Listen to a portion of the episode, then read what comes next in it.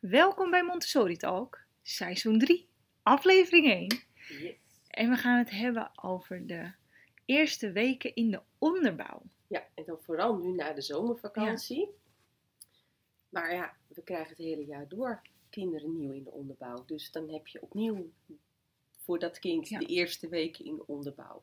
Je bent constant bezig met je groepsvorming in de onderbouw. Want daar gaat het uiteindelijk om. Maar we specificeren nu even een nu.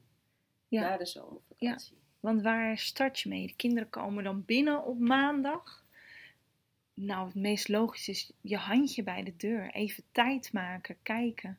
Echt aandacht voor het kind. Ja, even die poppetjes van de ogen bekijken. Ja. Hoe staan ze? Durven ze het al te vertellen? Ja. Gaan ze het gesprek met je aan? Of is het nog een beetje spannend?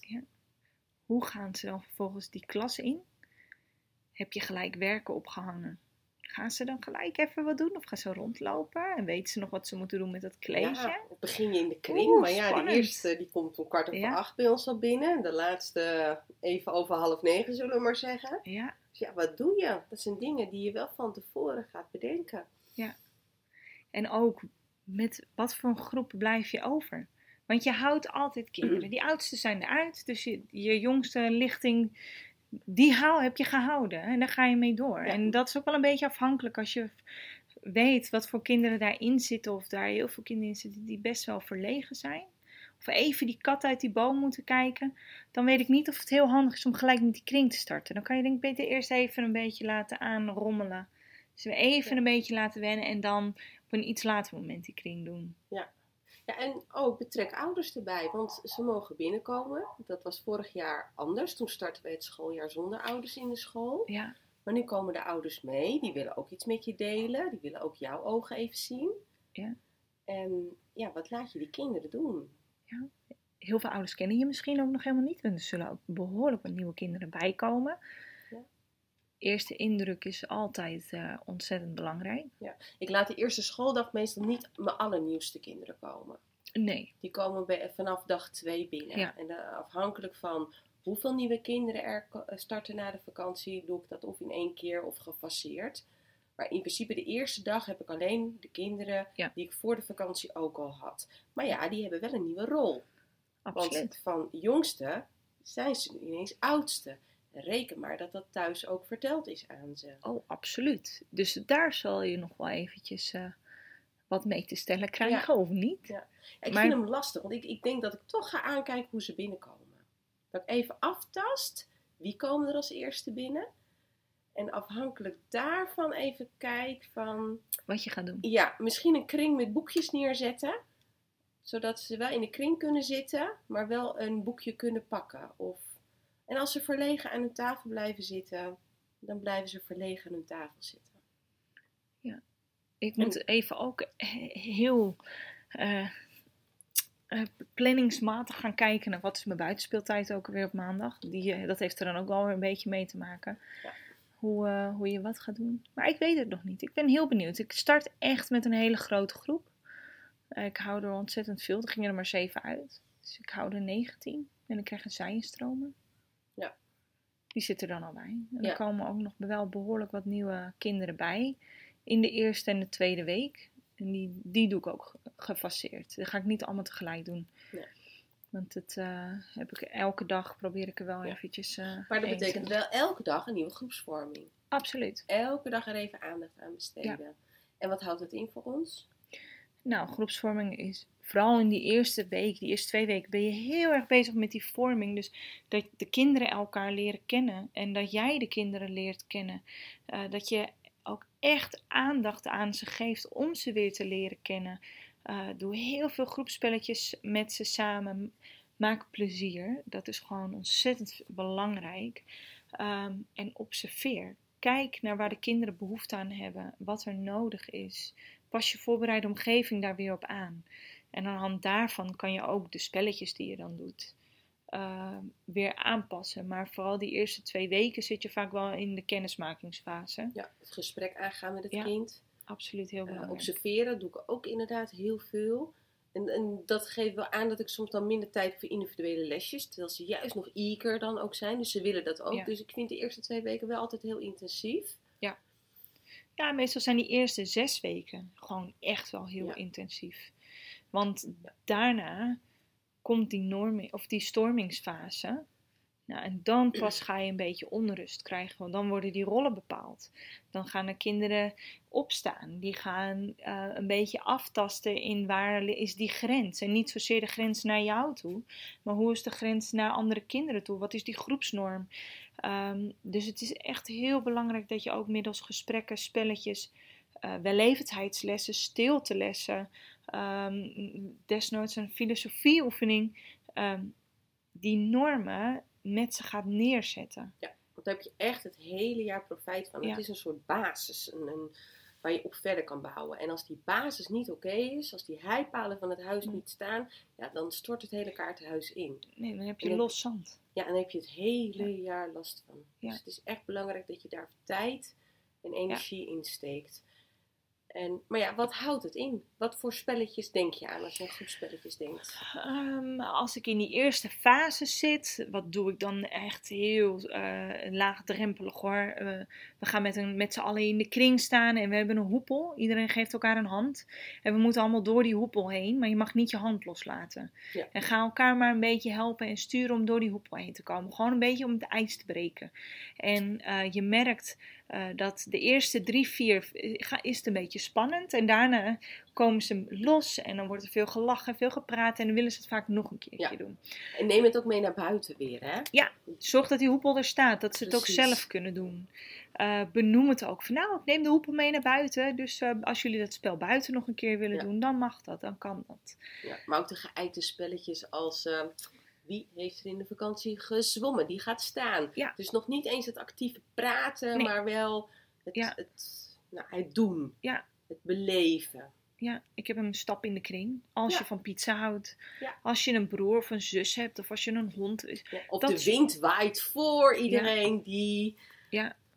En dan dat van eh, plaats wisselen en dan een beetje een spelelement ervan maken. vinden ze echt heel Ja. erg fijn. Omdat ze op die manier elkaar, eh, elkaars interesses leren kennen. Zonder dat ze daar zelf heel veel moeite voor hoeven te doen. Dat het kan best spannend zijn Ja. nog in het begin. Het is echt heel erg aftasten. Ja.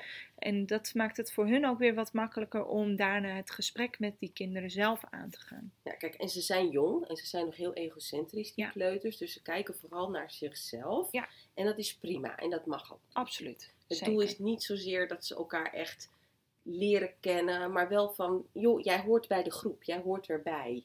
Jij bent Ja. van ons. Ja. Dat is wel echt mijn eerste doel. En inderdaad, wat je ook mooi zegt, van, je gaat met plezier hier naartoe.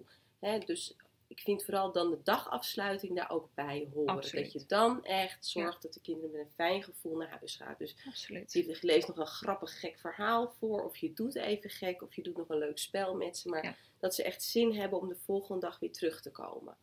Ja, zeker. En probeer vooral in die eerste weken echt elke dag even iets te doen. Ja. Elke dag even een, een spelletje met ze.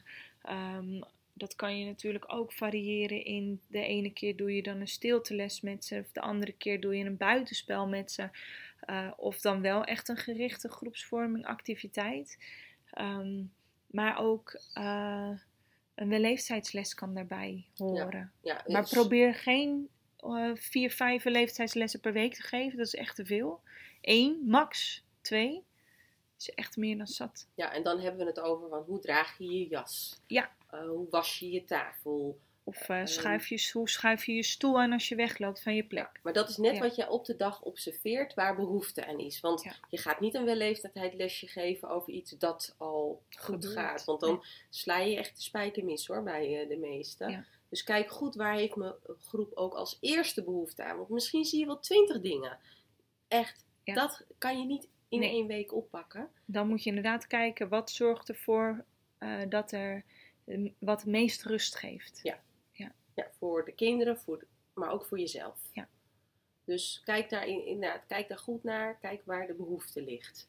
Nou ja, en dan de stiltelessen. Daar hebben we een andere podcast ook al aandacht aan besteed. Ja.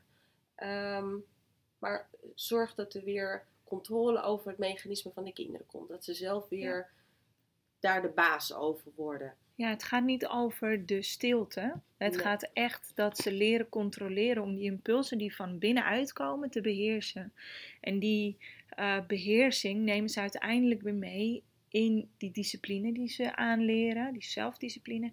En uiteindelijk weer naar het hele normalisatieproces. Ja. Dus het is zo ontzettend belangrijk om echt die stiltelessen te doen. En je zal zien, wanneer je dat dus elke dag doet, dat je echt eh, op vrij korte termijn daar ook al resultaat van gaat zien. Ja, want ook dat is groepsvorming. Want stilte maak je niet alleen. Dat doe je Nee, ook met doe je elkaar. samen. Ja. En, heel belangrijk ook in dit verhaal, neem, betrek ouders hierbij. Ja. Hou ze op de hoogte.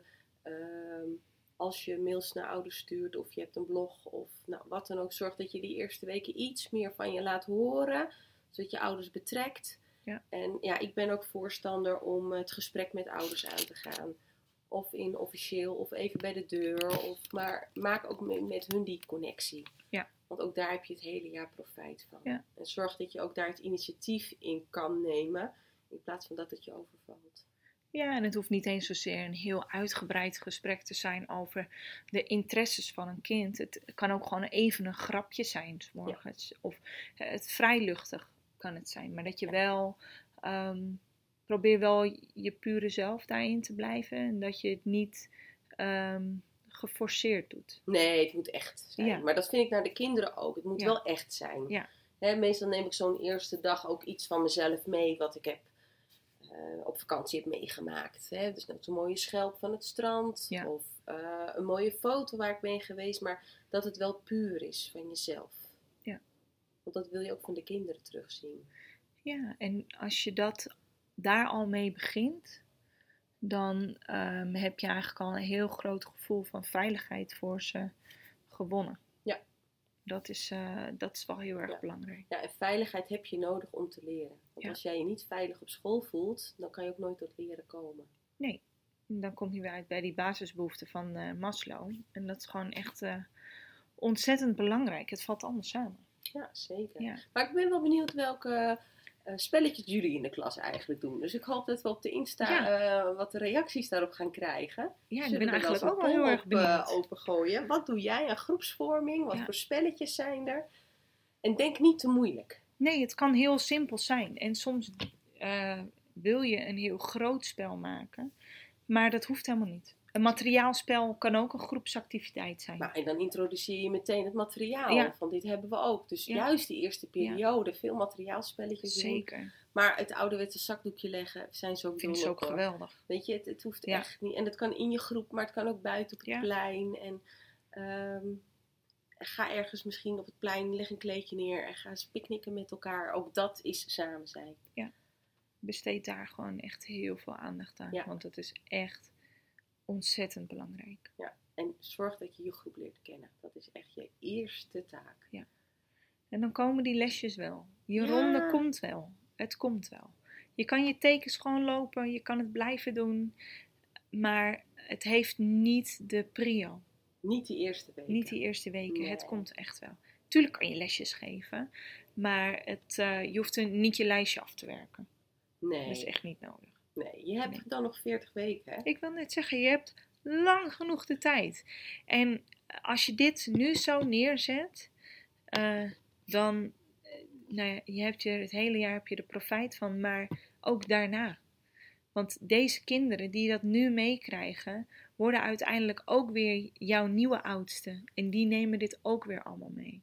Ja. En uiteindelijk onthouden ze dit en nemen ze daarvan ook weer een deel mee naar die middenbouw. Ja. Of naar die bovenbouw uiteindelijk. straks. Precies. Dus de basis is gewoon echt heel belangrijk om neer te zetten. En wat je in die eerste weken echt doet, is dus die, hè, dat observeren en het kind leren kennen. Maar prik meerdere keren in het jaar zo'n moment voor jezelf. Ja. En sta even bewust stil van, ken ik alle kinderen nog?